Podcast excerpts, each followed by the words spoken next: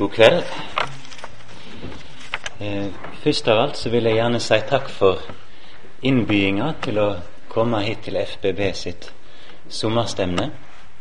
Det har jeg gledet meg til, sjøl om emna jeg fikk å tale over, både er vanskelige og omfattende. Som sagt så er temaet for denne timen det vonde og Guds allmakt. Jeg har ikke tenkt til å utlegge en spesiell bibeltekst i, i denne timen, men jeg vil likevel begynne med å lese fra Lukas evangelium, kapittel 9, vers 51 til 56. Men la oss først be sammen.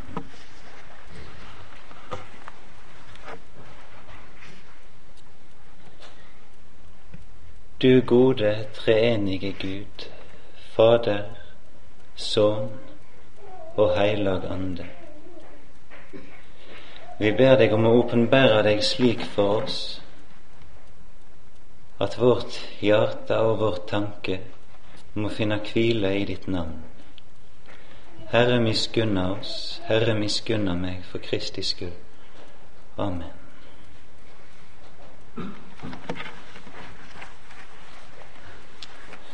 Vi leser fra Lukas evangeliet, kapittel 9, vers 51. Da det lei mot den tida at han skulle takast opp til Gud, vende han augo sine støtt mot Jerusalem, for dit tenkte han seg. Han sende båd føre seg, men da ærensveinane hans kom til ei samaritanergrend og skulle finne hus åt han, ville ikke folket ta imot han, fordi han var på veg til Jerusalem. Da sa Jakob og Johannes, læresveinene hans, da de så det, sa de, Herre, vil du me skal seie at det skal fare eld ned fra himmelen og øydelegge dei, såleis som Elias gjorde? Da snudde han seg og tala strengt til dei og sa:" Det veit ikkje kva ånd det er av. Menneskesonen er ikkje kommen for å øydelegge menneskeliv, men for å frelse.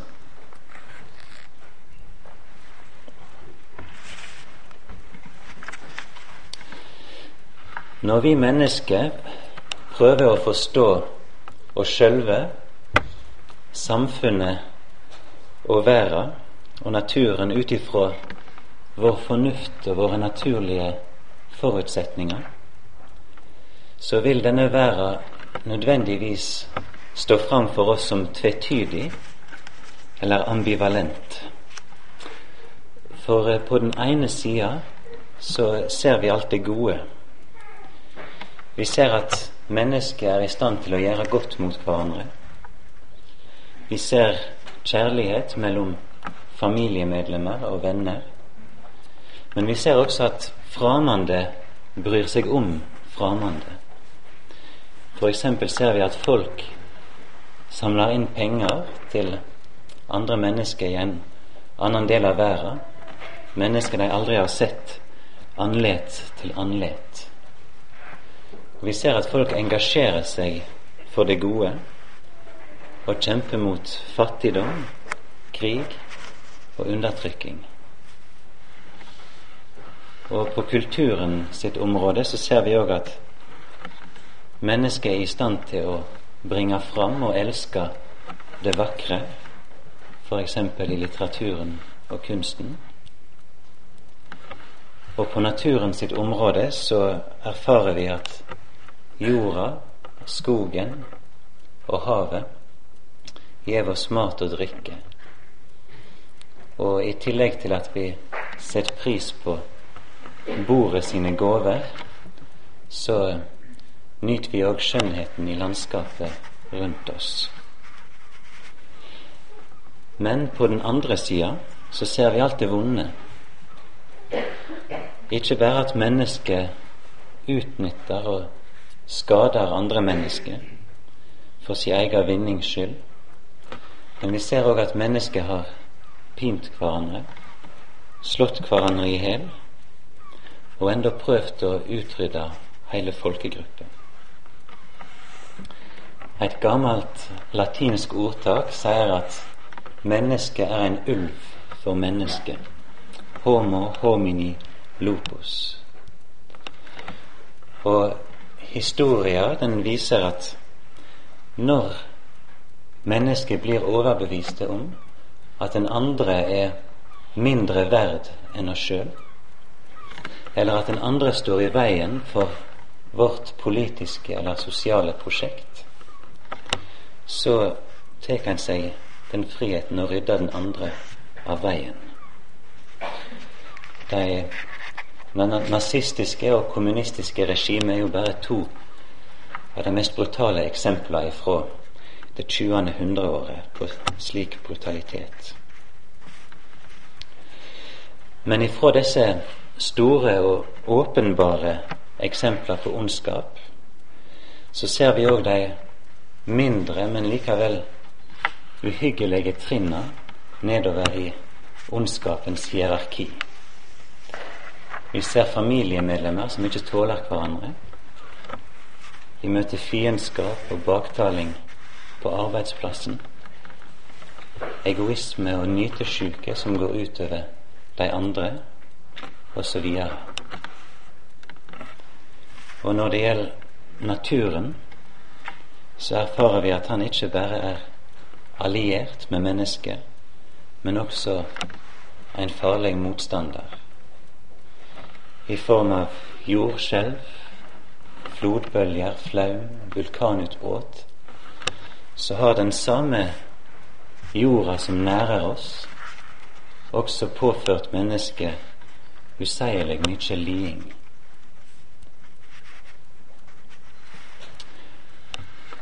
Fra antikken og fram til moderne tider så har filosofien alltid stilt seg spørsmålet hvorfor hvorfor mennesket og naturen er som de er. Eh, I dag har nok mange i høy grad gått bort ifra den rent filosofiske ettertanken, og en har gitt bl.a. fysikken og biologien i oppgave å svare på disse store spørsmålene. Men sjøl om naturvitenskapen kan si oss mye om hvordan verden er innretta, sjøl om naturvitenskapene kan forutse og forklare tallrike fenomen i naturen, så står han til sjuende og sist hjelpeløs i møte med de mest fundamentale problemer. Hvordan har mennesket og universet blitt til? Og hvorfor er mennesket som det er? Hvorfor er naturen som den er?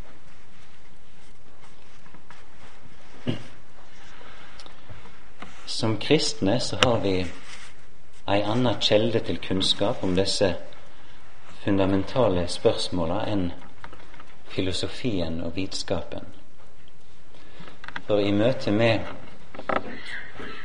tilværelsen sine største gåter, så stør vi oss ikke bare på vår egen fornuft og forsking, men vi søker svar en annen sted. I Salme 73 så forteller Asaf om et spørsmål som pinte han. Han eh, skjønner ikke hvordan Gud kunne tillate at de urettferdige levde i lykke og rikdom, medan de rettferdige og gudfryktige hadde alle slags trengsler. Men så sier Asaf til slutt så tenkte jeg etter og ville skjøne dette. Møe sant var det for meg, til dess jeg gikk inn i Guds heilagdommer. Guds heilagdommer er i denne sammenhengen Guds ord. Asaf fikk ikke ro før han gikk inn i ordets heilagdom og søkte svar framfor Guds andlet. Eh, derfor kan vi godt si at Asaf står som et bilde, et forbilde for oss kristne til all ettertid. For den avgjørende forskjellen når en søker svar på disse spørsmåla, er om en står utenfor eller innenfor de hellige skriftene. Om vi går inn i denne helligdommen, om vi leter oss bære av Bibelens egen logikk, så vil vi få sanna det samme som Sigrid Undset da hun setter seg på kirketrappa med spørsmåla sine. Vi vil få sanna at kristendommen er den nøkkelen som passer best i tilværelsen sin kompliserte lås. Men Bibelens svar, skal vi merke oss, er på samme tid en provokasjon. Det er en provokasjon for vår egen tanke, og det er i særlig grad en provokasjon for våre ikke-truende medmennesker. For dersom Gud har skapt denne tvetydige verden som vi lever i, så betyr jo det også at han er ansvarlig for henne. Men dersom den allmektige og allgode Gud er mennesket og universet sin herre, hvorfor finst da det vonde? Men dersom vi går inn i de hellige skriftene og lar oss bære av deres logikk, så finner vi at det er nødvendig å skilje mellom to slags spørsmål, to slags problem. Eh, de to henger sammen, for det ene ville ikke eksistere uten det andre. Men vi må likevel skilje mellom disse to problemer for å se klart i denne saka. For det første så har vi det som blir kalla ondskapens problem. Dette er et teoretisk problem eh, som ber om et forståelig svar på spørsmålet vi stilte ovenfor. Hvorfor fins det vondskap når verden er skapt av en allmektig og allgod Gud? Hva er det vonde, og hva kommer det fra? Og på dette teoretiske spørsmålet så gjev Bibelen og kirkefedrene et teoretisk svar. For det andre så har vi det som blir kalla lidelsens problem. Dette er ikke et teoretisk, men et eksistensielt, kan vi si, et eksistensielt problem. Og Derfor ser vi òg at Bibelen heller ikke gir entydige teoretiske løsninger og svar på lidelsens problem. Spørsmålet om lidelsens problem finner vi i munnen på alle de som får kjenne ondskapen på sin egen sjel og sin egen kropp. Og i en kristen munn så kunne vi ha formulert spørsmålet om lidelsens problem på følgende måte. Jeg veit at du, Gud, mange ganger og på mange måter har hjulpet syndere. Du har reist dei sjuke opp ifra sjukesenga, og du har berga tjenerne dine fra fiender og alle slags ulykker. Så hvorfor bevarte du da ikke meg og mine? Hvorfor frir du da ikke meg ifra min sjukdom? ifra min liding. Det var de to spørsmåla. Ondskapens problem på den ene sida og lidelsens problem på den andre, som vi nå skal se nærere på. Og vi begynner med det teoretiske, med ondskapens problem. Dette spørsmålet om hva det vonde er, og hvor det kommer ifra, var et av de problemer som eh, Augustin, Vestens største kirkefader, brukte mest tid på. I bok sju av det biografiske verket 'Confessiones', eller 'Bekjennelse', forteller Augustin med personlig tone om hvordan han i lang tid ikke fikk fred av dette spørsmålet. Men hva kom han så fram til til slutt? Kort fortalt så er Augustins svar at den frie viljen er årsak til det vonde. For hva leser vi i fortellinga om syndefallet i Første Mosebok, kapittel tre? Jo, vi leser at synda og døden kom inn i menneskeslekta da Adam med sin frie vilje var ulydig mot Skaperen og vende seg bort ifra Gud. Og som vi har hørt før på dette stemnet, så var konsekvensen av den ulydigheten at Herren forbanna jorda og la henne under forgjengeligheten. Derfor skriver Paulus i Romerbrevet kapittel 8 at all skapningen sukker sammen og lid sår verk alt til nå. Men hva så med den vonde freisteren, djevelen, som førte mennesker til fall? Når vi ser profetord som Jesaja kapittel 14 og Esekiel kapittel 28 f.eks.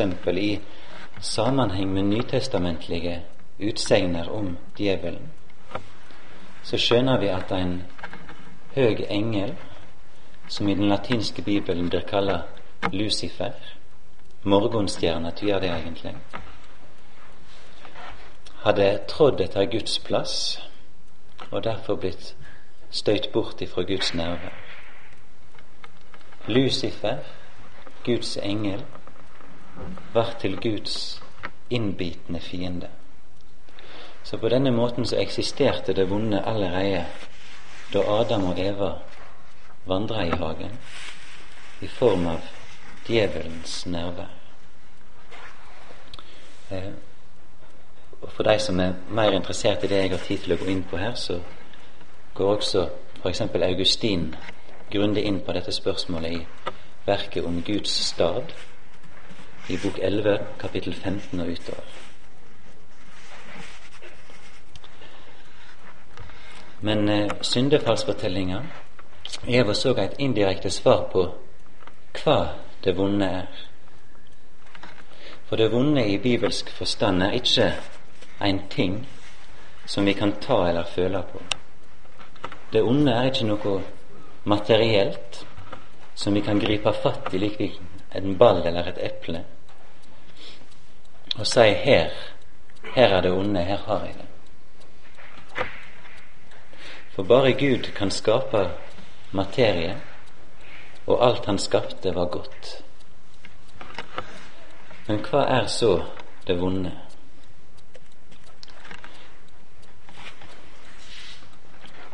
Reformatorene og kirkefedrene er enige om at det vonde ikke er en ting som er til for seg sjøl, men det vonde er en perversjon ei fordreiing av Guds skaperverk. Det vonde er ei fordreiing av det gode Gud har skapt. Først og fremst ei fordreiing av menneskeviljen og menneskesinnet.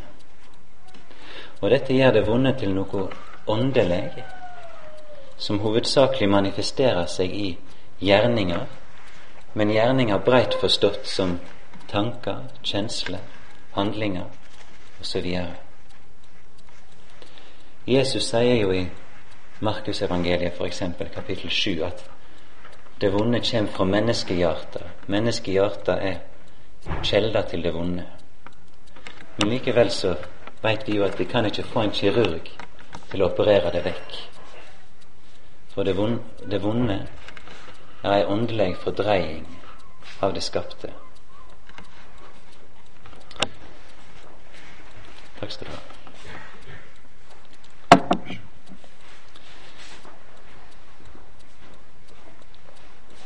Dette bibelske synet på det onde møter vi igjen flere plasser oppover i kirkehistorie, f.eks. i Philip Melanchtons troslære, Låki kommunes, der han på sin vante og forståelige måte drøfter dette problemet. Og vi kan nevne at Concordieformelen sin artikkel om arvesynder også lærer at synda ikke er noe som eksisterer for seg sjøl, men hun er liksom Vi kan sammenligne med en sjukdom i menneskenaturen. For liksom en kreftsvulst ikke kan eksistere ut i løse lufta, men bare i en organisme. På samme måten går synda inn i menneskenaturen som en fordreiing av den gode, gudeskapte naturen. Vi må altså skille mellom naturen og synder. Så vidt jeg kan se, så er dette i forkorta form Bibelen og kirkefedrene sitt teoretiske svar på det teoretiske spørsmålet om det ondes problem. Men vi skal huske at dette ikke er et maksimalistisk svar på ondskapens problem. Det vil si at det ikke er et svar som tilfredsstiller alle våre spørsmål og innvendinger. Heller kan vi kanskje si at det er et nokså minimalistisk svar. Det vil si at det er et svar som nøyer seg med å slå fast det helt grunnleggende. Og det grunnleggende er at den gode, rettferdige og allmektige Gud skapte alt såre godt.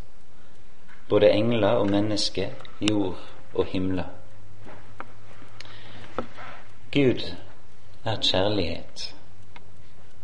Men der det er kjærlighet, der er det òg frihet. Og Derfor skapte Gud mennesket og englene som frie, selvstendige og ansvarlige skapninger, som sjølve må ta konsekvensene for handlingene sine. Mange har spurt seg om ikke den allmektige kunne ha skapt mennesket slik at det var i stand til å elske Han fritt og utvungent, men likevel uten fallets mulighet. Hvorfor måtte den allmektige tillate at det såre gode skaperverket vart eit falle skaperverk? Sjøl kan jeg bare si at jeg tror disse spørsmåla markerer ei grense for vår fornuft, og, og det kan være nyttig at vi minner oss om noe den kristne tenkeren Pascal sier i boka 'Tanker' fra midten av 1600-tallet, ei bok som er verd å lese. Men her sier Pascal at en kristen må vite når han ikke kan vite. En kristen må vite når han ikke kan vite. Og vi kan ikke gjøre kristendommen til en slags guddommelig rasjonalisme som skal tilfredsstille alle våre spørsmål og innvendinger på alle punkt.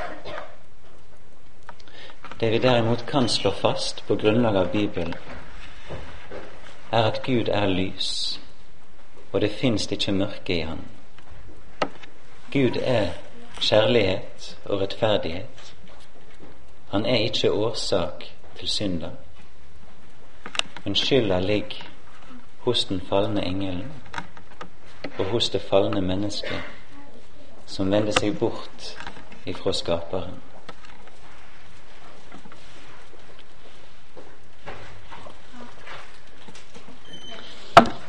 Dette var altså det første problemet, ondskapens problem. Men vi skal også prøve å drøfte lidelsens problem, det eksistensielle problemet. Og I Bibelen fins det særlig ett skrift som handler om dette spørsmålet, og det er Jobbs bok. Og Noe helt grunnleggende som Jobbs bok lærer oss om dette, er at vi ikke kan sette fram teoretiske forklaringer på lidinga til våre medmennesker. Jobb sine tre venner, Elifas, Bildad og Sofar, de prøvde å gi ei teoretisk forklaring på Jobbs liding. Men Gud refser deg for dette, og i det siste kapitlet så feller Herren den domen at de tre ikke hadde tala rett om han. Men hva var det de tre vennene hadde sagt til Jobb? Og Det er litt forskjell på de tre sin argumentasjon, men det som er felles for dem, er grunntanken at liding er straff for synd. Og Derfor er liding alltid direkte fortjent. Og det er så å si de tre vennene sitt svar på lidelsens problem. Og de holder fast på dette grunnstandpunktet gjennom de tre samtalerundene de har med jobb. Og så ser vi at etter hvert som diskusjonen blir mer amper og hissig, så blir de tre vennene sine utsegner stadig mer fordømmende og harde. Men også ifra evangeliet så veit vi at Jesus vender seg imot synspunktet til Jobb sine tre venner. F.eks. i fortellinga om den blindfødde i Johannes evangeliet kapittel 9. For da folket spurte om det var den blinde sjøl eller foreldra som var skyld i denne lidinga, at han var født blind, så svarer Jesus at ingen av dem var skyld i det. Og Det er viktig at vi har denne lærdommen fra Jesus som, som grunnlag for tenkinga vår videre om dette spørsmålet, nemlig at sykdom og ulykke og nød i denne verden ikke kan tolkes av oss som Guds straff for et menneskes individuelle, personlige synd. Med syndefallet så kom det inn en, så, så å si en slags lidelsens dynamikk i skaperverket. Det kom inn en slags kraft som alle mennesker er underlagt. Og rett nok ser vi at somme blir mer ramma enn andre av denne lidelsens dynamikk. Men Jesus sier klart og tydelig at vi ikke skal koble det sammen med individet sin moralske tilstand. Dette er jo òg poenget i det viktige ordet som vi hørte før i dag fra Lukasevangeliet kapittel 13, der Jesus òg avviser og kobler lidelse sammen med individet si, si synd.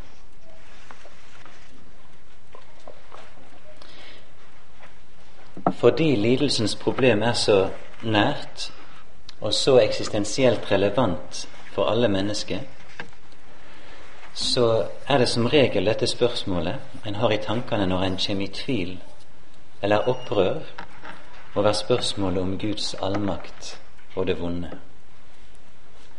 Og det er kanskje på dette spørsmålet at kristendommen sine motstandere setter inn den tyngste polemikken imot vår tru. Og summen av denne polemikken blir sammenfatta i Salme 42, vers 4, der salmisten kved. Heile dagen sier de til meg, Hvor er din Gud? Hvor er din Gud? Hvor er Gud når de vonde får rase fritt? Hvar er Gud når mennesker blir pinte og undertrykte? Og hvar er naturens herre når naturkatastrofene velter inn over menneskeslekta? Både i historia og i vår egen samtid så finner vi helt konkrete eksempel på hvordan lidelsens problem er relevant for trua på Gud. I den engelske Lawrence Olivier sine prislønte dokumentarfilmer om den andre verdenskrigen, så er det flere intervju med jøder som overlevde konsentrasjonsleirene. Og jeg husker eh, spesielt godt intervjuet med den ene av disse jødene.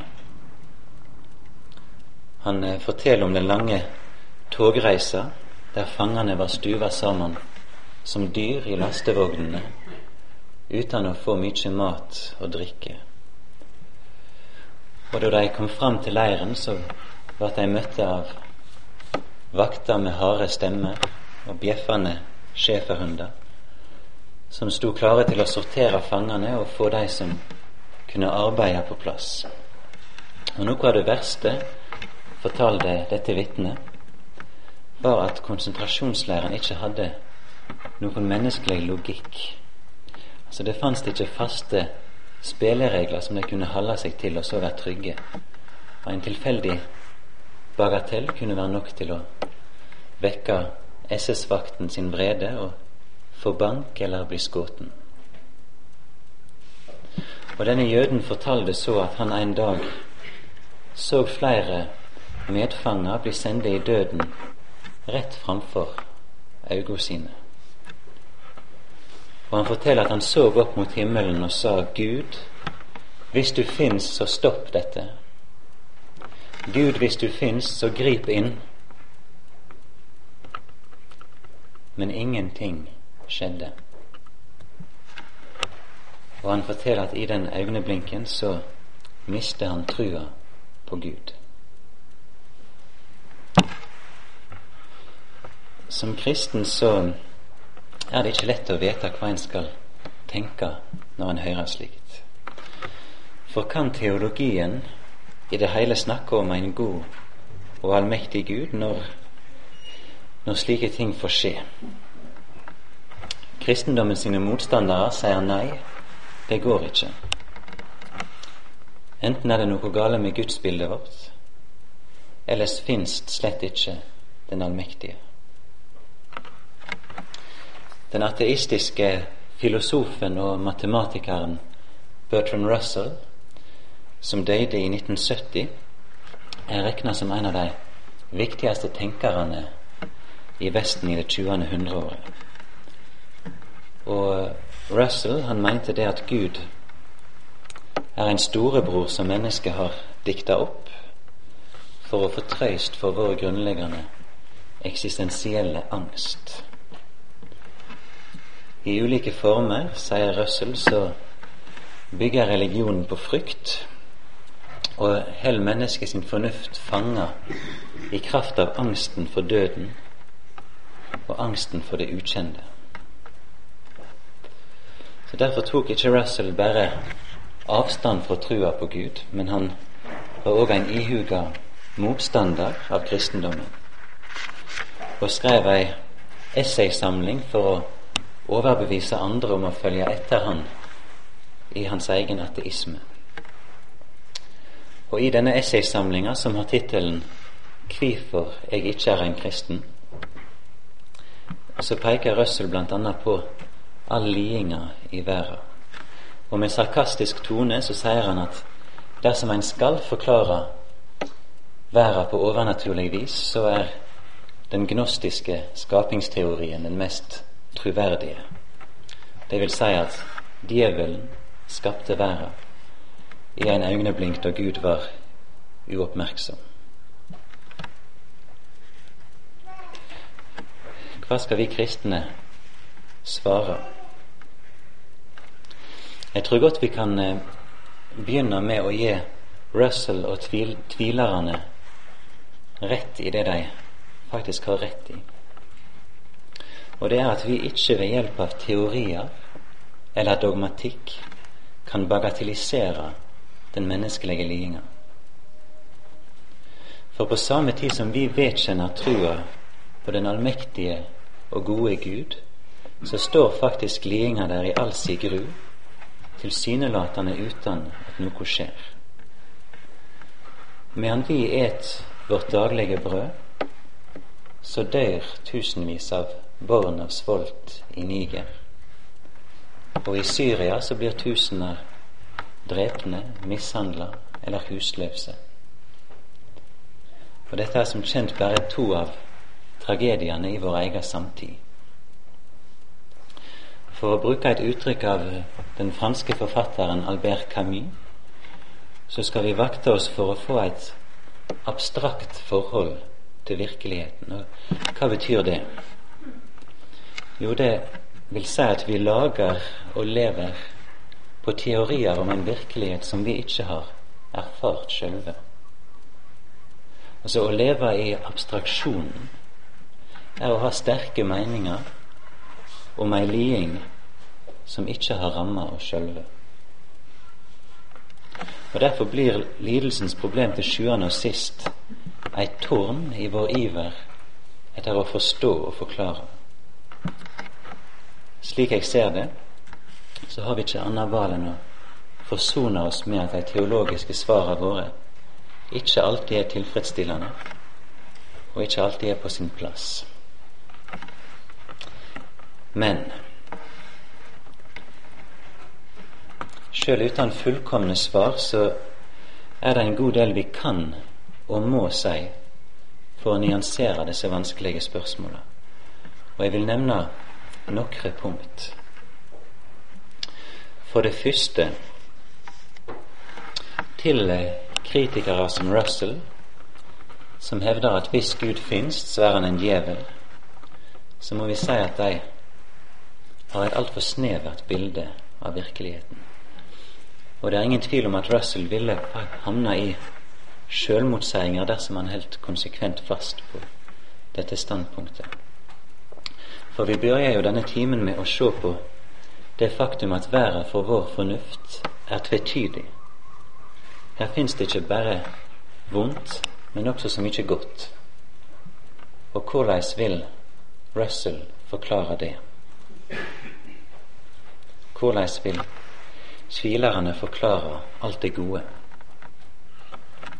Og fordi det skapte er grunnleggende godt, så ser vi òg at menneskets spontane innstilling er at livet er ei gåve.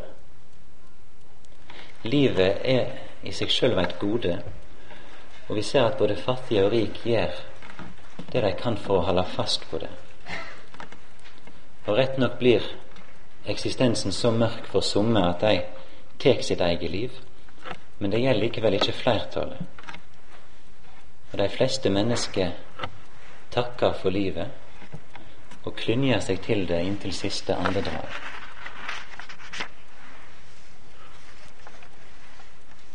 Og for det andre så må vi ikke glemme at det er mennesket som står bak det grufulle i historien, og ikke Gud. Det er mennesket som har undertrykt mennesket og ikke Gud. Ei tragisk sanning som vi ofte blir minnet om, er at kristne òg har stått bak mye vondt gjennom hundreåra.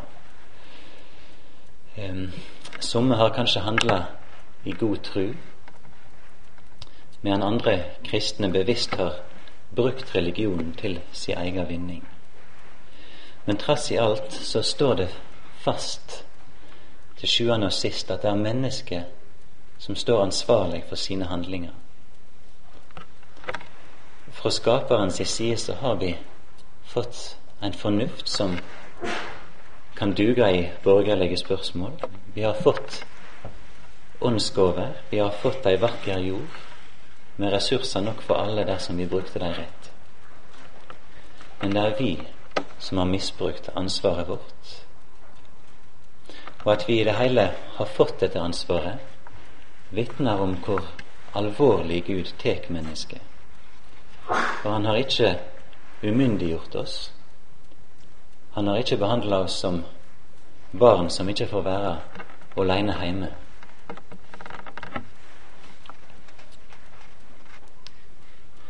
For det tredje så tror jeg vi er nødt til å tenke over hva vi egentlig mener med omgrepet allmakt, og kanskje også i noen grad omvurdere våre tanker om hva guddommelig allmakt er.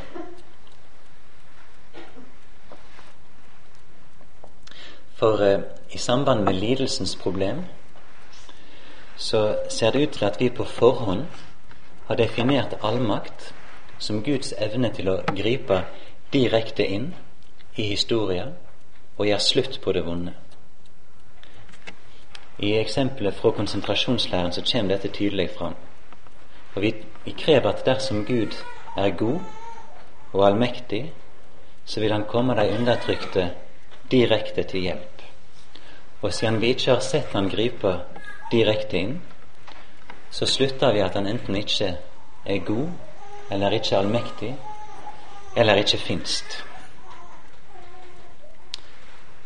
Selvsagt er det sant at den allmektige Gud kan gripe direkte inn i historien når han vil, og på hva måte han vil, slik Det gamle testamentet så ofte vitner om. Men vi må spørre likevel om det er riktig av oss å kreve at Gud skal åpenbære i allmakt etter våre forventninger. For om vi svarer ja til det, så blir vi i neste omgang nødt til å spørre oss hvor vi så vil at Gud skal sette grenser når Han griper inn mot det vonde. Skulle den allmektige avgrense seg til krigshandlinger? Skulle han avgrense seg til å stoppe valden på slagmarkene og, og mishandlinger av fangene? Eller krever vi at han også skal åpenbære seg i ellers fredelige samfunn for å hindre f.eks. mord? Hvor skal den hellige Gud, han som lærer at hver den som hater sin neste, er en manndraper, hvor skulle han sette grenser når han griper inn mot det vonde? Hva med misunning, utruskap, baktaling?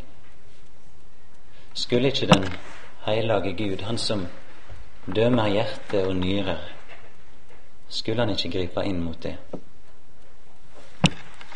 Og hvordan vil vi så at Gud skal gripe inn? Skal han slå de vonde ned med vald og makt? Skal han sende eld ned fra himmelen og fortære de vonde, slik disiplene foreslo i Lukasevangeliet. For det er jo ikke slik at mennesker her på jorda er delt inn i to kategorier, Som er gode og som er vonde. Nei, for å tale menneskelig så går grensa mellom godt og vondt rett gjennom hvert individ. Dersom Gud skulle åpenbare si allmakt etter våre forventninger, så ville ikke noe menneske blitt stående. I Det gamle testamentet så ser vi at Gud en gang greip inn slik i syndfloden. I Første Mosebok kapittel seks så står det at jorda vart verre og verre i Guds øyne, og jorda vart full av vold. Med andre ord så fikk Gud i Noas dager nok. Han fikk nok av det vonde, og han gikk til handling. Men da ble bare åtte sjeler frelste gjennom vann. Og en dag skal Gud atter alla dom, og han skal gi hvert menneske att etter hans gjerninger. Men nå lærer evangeliet oss at Guds frelseplan ikke er stillestående, og Guds råd åpenbarer seg gjennom historia. Og Jesus gjør det helt tydelig at han ikke kom som en hemner, sjøl om hevnens time en dag skal komme. Nei, framfor alt så er Herren Frelseren, og som frelser har Han åpenbæra si allmakt på en måte som er stikk i strid med våre forestillinger om makt, og stikk i strid med våre forventninger og krav. For gjennom profeten Zakaria har han sagt ikke ved kraft og ikke ved makt, men ved mi ånd, sier Herren. Hvor er det så at Gud har åpenbæra si frelsende allmakt her i verden.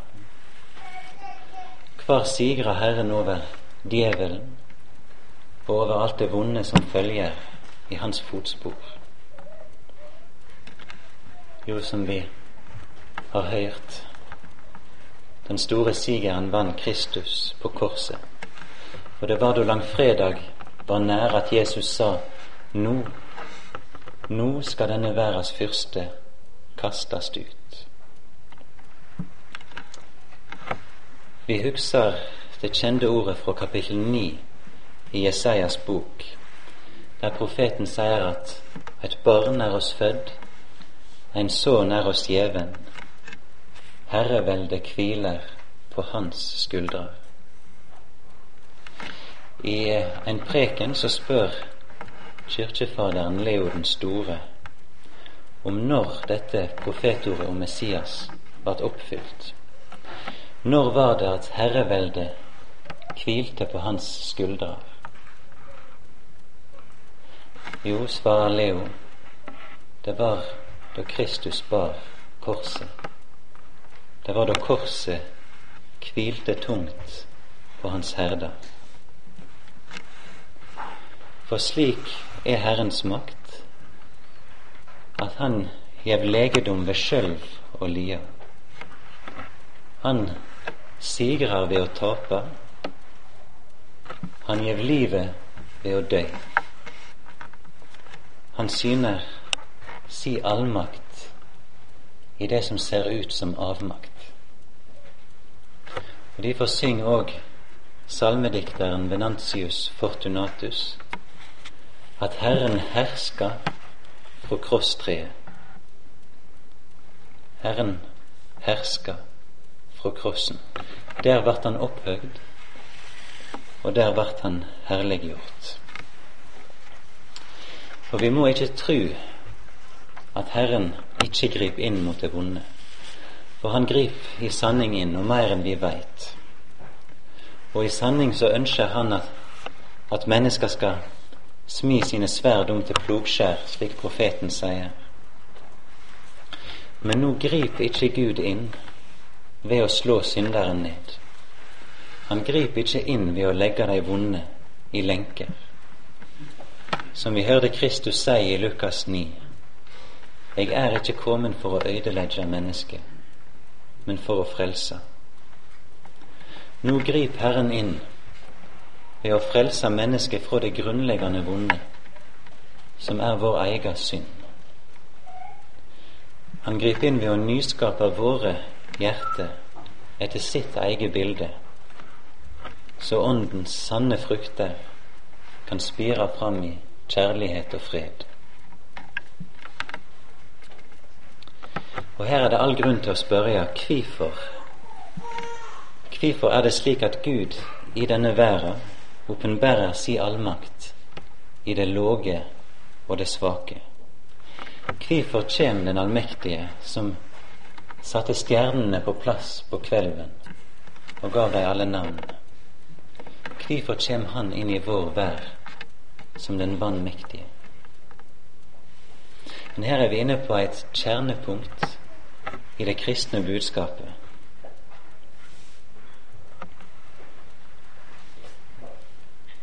Herren kjem som den låge og svake fordi makttråd, tvang og hovmod er av djevelen og ikke av Gud.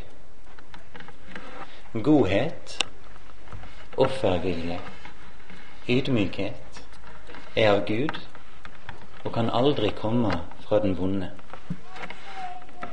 Så når Gud åpenbarer si frelsende allmakt, så gjør han det ikke på en måte som det stolte mennesket kan applaudere og være tilfreds med. For Gud går ikke inn på det satanske sine premiss når han skal frelse sin skapning. Nei, etter sitt eget vesen gjev han seg til kjenne etter si eiga ånd åpenbærer Herren si frelsende makt. For Det nye testamentet lærer oss at Kristus kom for å gi oss to ting som henger sammen. Han kom for å gi frelse fra synda, men også et eksempel til etterfølging. Jesus er menneskesønnen. Han er den sant menneskelege som syner oss hva vi er skapte for å være. Og Derfor kunne han ikke komme som en fyrste i denne verden. Han kunne ikke komme for å legge alt under seg med rå makt. Men i stedet syner han oss hva kjærlighet og godhet er. Og i stedet viser han oss hvordan Gud vil gjøre alle ting nye. Ta mitt åk på dykk og lær av meg, sier Kristus, for jeg er saktmodig og audmjuk i hjertet. Så kan vi også lære av Kristus hvordan vi, skal møte de som går gjennom liding. Vi kan lære at vi skal være varsomme med å fortelle de andre hva meninga er med det vonde de går gjennom. For det veit vi egentlig ingenting om. Men vi veit at det mennesket som møter Herren midt i det vonde, midt i all si trengsle, det mennesket kan sjøl gjøre den erfaringa som apostelen skriver om, at alle ting skal tjene deg til gode som elsker Gud. De som går gjennom lidinga, kan sjøl erfare det profeten sa, at i all vår trengsle var det inga trengsle, for Herren var nær. Og det underlige er at nett denne erfaringa kan mange lidende og forfølgde kristne vitne om å ha gjort. For kristendommens kjerne er ei omvurdering av alle verdier i forhold til hva mennesket tenker uten Gud. For oss så er alt som fører oss nærere Kristus, nærere Hans sannhet og kjærlighet, dypere sett medgang. Men alt som fører oss bort ifra kjærligheten og ydmykheten, alt som gjør oss mindre avhengige av Kristus, er djupest sett motgang. For et menneske kan oppnå rikdom, makt, velstand, nytelse i denne verden. Men dersom dette skulle herde hjertet i egoisme og vantru, så er den som ser ut som en vinner, i virkeligheten en ulykkelig taper. Og motsatt så kan et menneske miste alt som imponerer i denne verden. Han kan enda miste seg sjøl. Men dersom han eier Kristus, er han rikere enn konger. Og Derfor sa apostelen Paulus at vi må, vi må gå gjennom mange trengsler inn i Guds rike. For trengsler er en lærer i ydmykhet, og ydmykhet er av Gud. Men det skal en sterk rygg til for å bære gode dager. For i velmakt spirer hovmodet, og hovmodet er av den vonde. Takk for oppmerksomheten.